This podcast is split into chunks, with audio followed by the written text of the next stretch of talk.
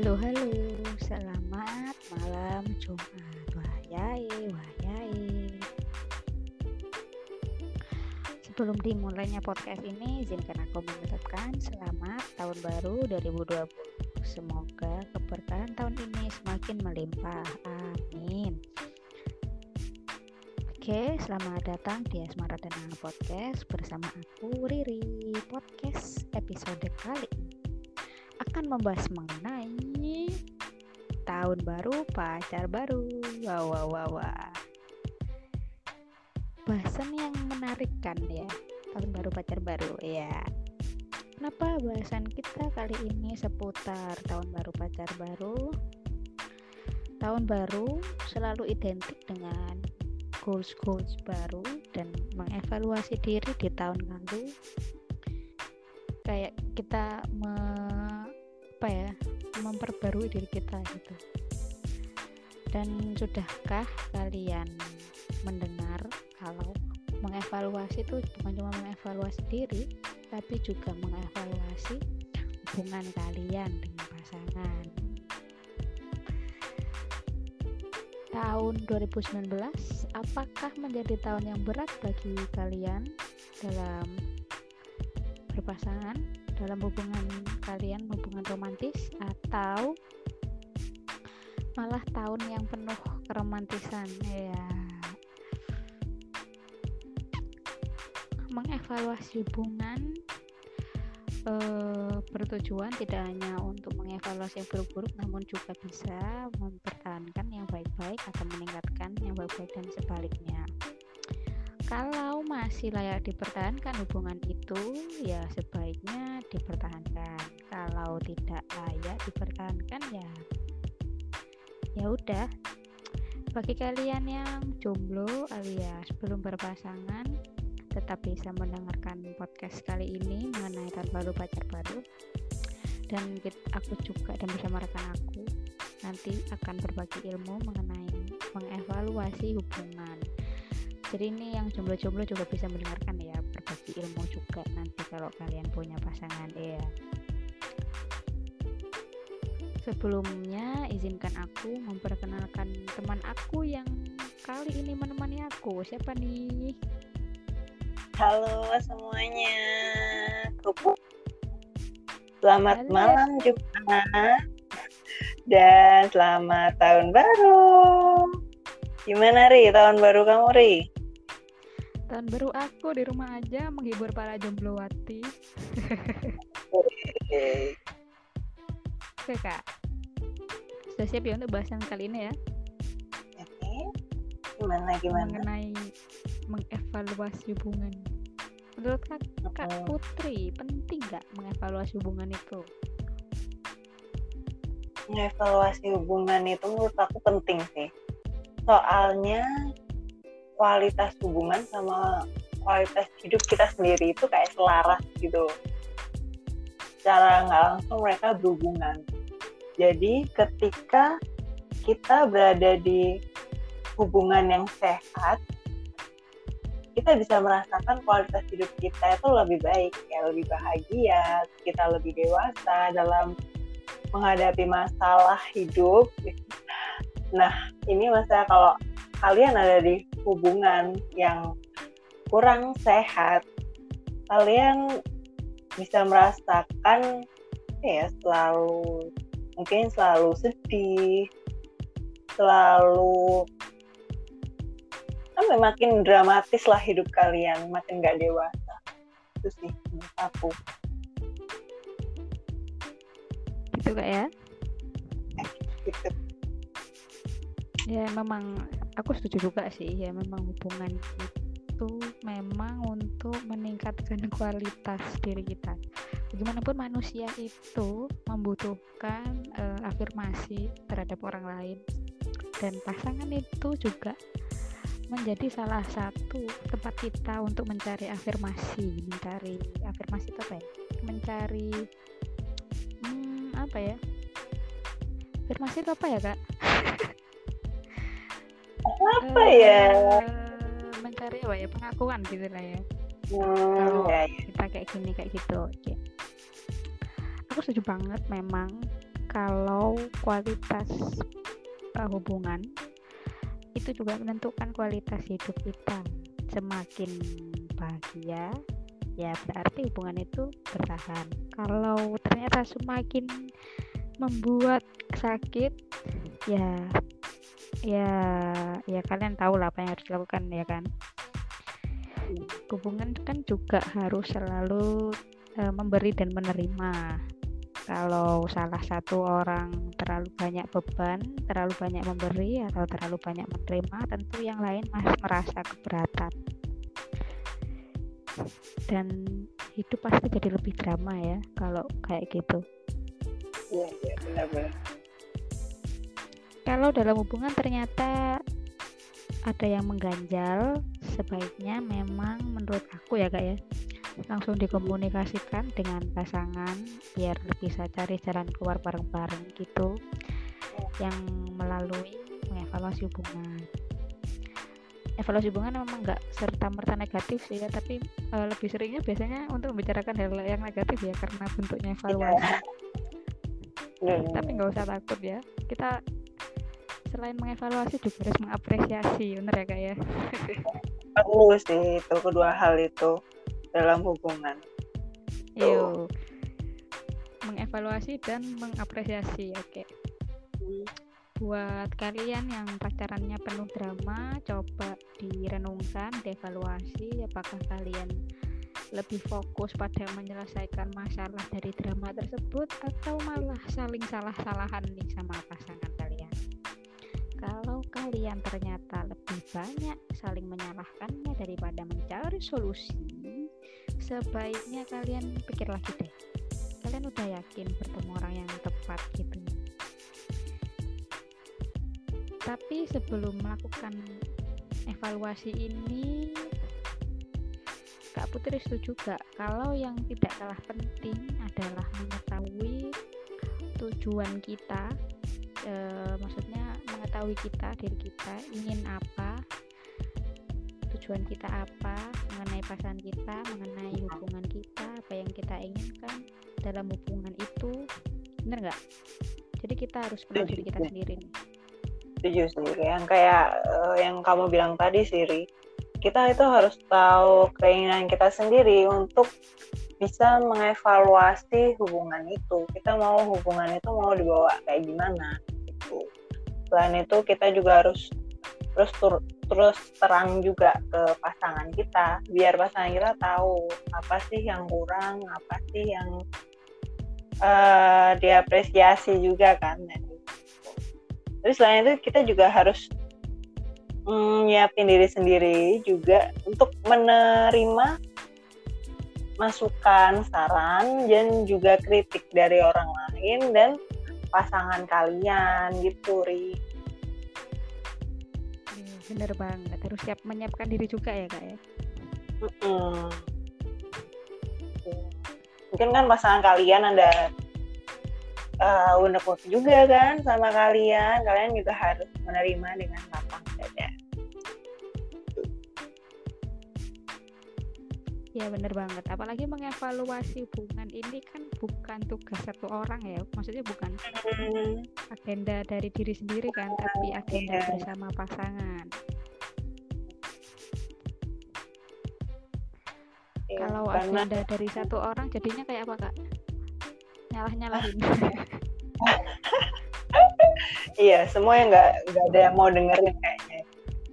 Ada teriak-teriak atau teriak atau teriak nggak ada yang mau dengerin jadi dua arah. Jadi semakin salah paham ya. Mm -mm, nah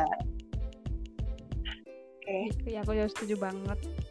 Mm. kalau agenda agenda uh, melakukan evaluasi itu berasal dari dua orang ya dari pasangan bukan dari diri kita sendiri. Coba sekarang uh, bayangin deh kalau misalkan satu orang doang yang mau evaluasi kamu itu A B C D E F G terus yang satunya nggak pengen mengevaluasi kan jadinya malah emosi kan ya. Aku disalahin A B C D E F G padahal dia D E F G H I J kan bisa jadi kayak gitu. Iya bisa jadi evaluasi gitu. harus diagendakan dan keterlibatan kedua belah pihak dengan yep. kepala dingin benar gak penting gak sih kepala dinginnya iya. Ya itu kalau nggak kepala dingin bisa bisa ya saling teriak tadi itu yo iya aku setuju banget. Apalagi kalau dua orang itu kan nggak sama 100% kan? Dua orang itu tumbuh dan dibesarkan oleh dua keluarga yang berbeda nilai-nilai dan pendekatannya juga beda. Jadi perlu banget untuk tahu persepsi pasangan kalian mengenai hal-hal apa yang perlu dilakukan dalam hubungan itu kita ambil contoh sederhana. Kasihnya sederhana kak Putri ya. Mm. kalau pasanganmu menganggap bahwa mengucapkan I love you sesering mungkin itu bukanlah hal yang biasa ya lakukan pasanganmu. Tapi kamu dan keluargamu sering sekali mengungkapkan kata itu I love you aku sayang kamu sangat sering dan dalam berbagai kesempatan sehingga menurutmu mengucapkan I love you pada orang yang disayang adalah hal yang wajar. Sementara kamu merasa kalau pasangan kamu tidak melakukan hal yang sama pasti kan rasanya kembali lagi ya tidak seimbang. Ada ketimpangan gitu dan kamu harus mengomunikasikan ke pacarmu eh, ke pacar kamu ke pasangan kamu kalau menurut kamu dengan latar belakang keluargamu yang seperti itu eh, terbiasa mengucapkan I love you dan pasti dia akan menjelaskan juga ke kamu kenapa dia tidak melakukan hal itu dan tentu kalau pikiran kalian sama-sama dingin pasti akhirnya bisa memutuskan sesuatu yang terbaik untuk kalian berdua ya kan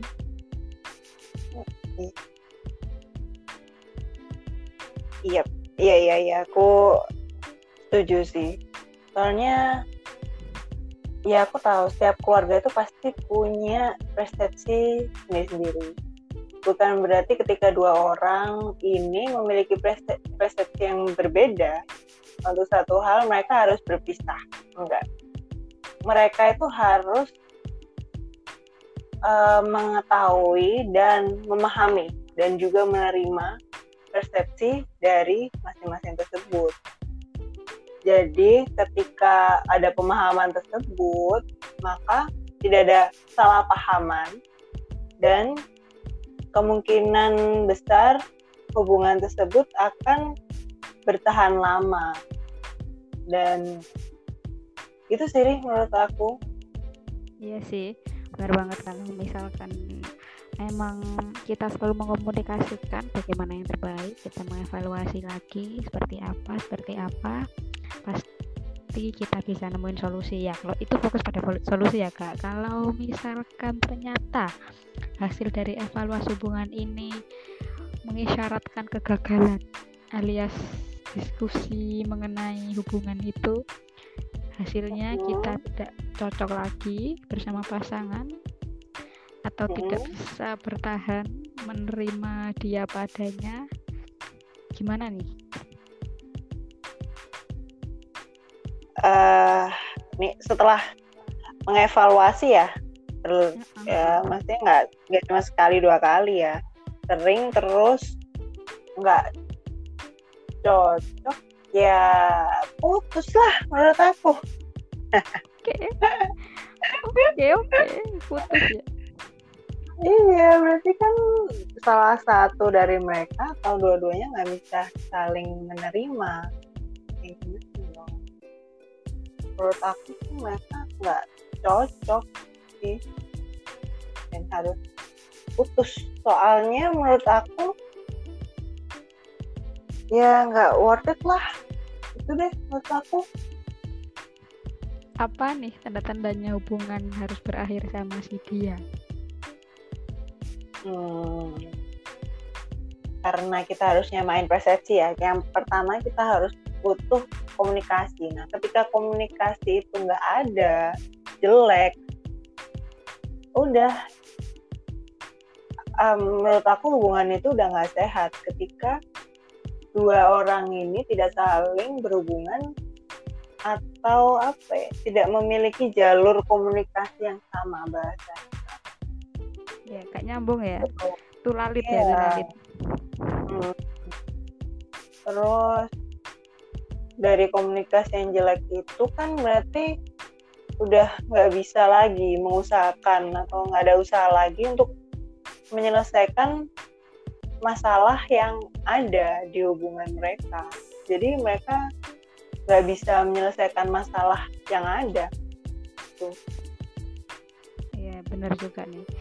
Buntu, hubungannya udah buntu, waktunya kita putar balik gaspol ya kak ya. Aku mau nambahin dikit juga ya.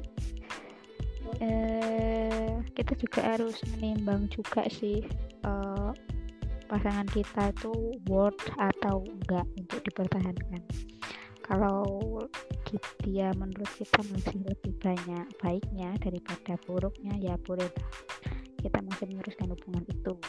Kita yang tahu lah batas toleransi kita seberapa karena sekali lagi dalam hubungan harus seimbang ada yang memberi ada yang menerima dan itu harus terjadi secara seimbang juga. Tetapi kalau salah satunya uh, berat dan memaksakan tetap berjalan kasihan nanti tergandengnya oleh satu dan pasti putus di tengah jalan. Dan itu menyakitkan karena mungkin terjadi kecelakaan. Oke itu tergandeng ya. Terus kalau yang penting lagi selain hal itu mungkin menurut aku juga kepercayaan. Sangat penting untuk uh, mengetahui kepercayaanmu. Kalau kamu yakin pasangan kamu masih bisa dipertahankan masih bisa berubah menjadi yang lebih baik dan melihat masalah-masalahmu ternyata bisa diselesaikan bersama-sama ya silahkanlah dilanjutkan. Tapi kalau sampai dia melakukan kesalahan yang sama lebih dari dua atau tiga kali sebaiknya kamu pasang lampu kuning. Hati-hati. Kalian tanyakan lagi deh ke diri kalian sendiri masih seimbang atau udah enggak hubungan kalian itu? Masih membahagiakan atau enggak? Kalau diteruskan ya bisa jadi kayak truk yang beratnya enggak sama oleng terus kecelakaan. Atau ya bisa jadi kalian curiga sama dia seumur hubungan kalian lah. Dan menurutku pasangan yang menyakitkan berulang-ulang kayak gitu itu udah pasangan toksik sih. Dan sebaiknya itu nggak diteruskan. Bener nggak?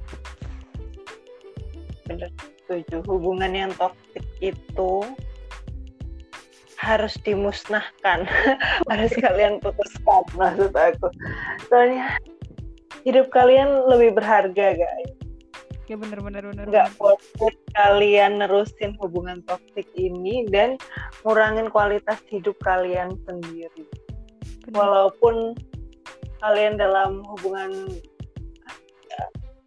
pokoknya logika kalian harus pakai lah kalian harus tahu kapan saatnya berhenti untuk bucin tolong jangan terlalu bucin guys ya benar sekali bucin boleh goblok jangan ya nah. Oke, oke. Terima kasih Kak Putri sudah bergabung bersama Semaradana Podcast episode tahun baru, pacar baru mengenai mengevaluasi hubungan. Sama-sama. Oke. Uh, untuk para pendengar juga saya mengucapkan terima kasih. Uh, ini adalah akhir dari episode kedua podcast Asmaradana dan sampai jumpa di episode yang selanjutnya. Mohon maaf bila ada kekurangan. Akhir kata mari kita berdoa. Semoga hiduplah orang-orang di sekitar kita agar kita bisa bercinta malam ini dan tidak merasa sepi sekian salam wayai wayai dadah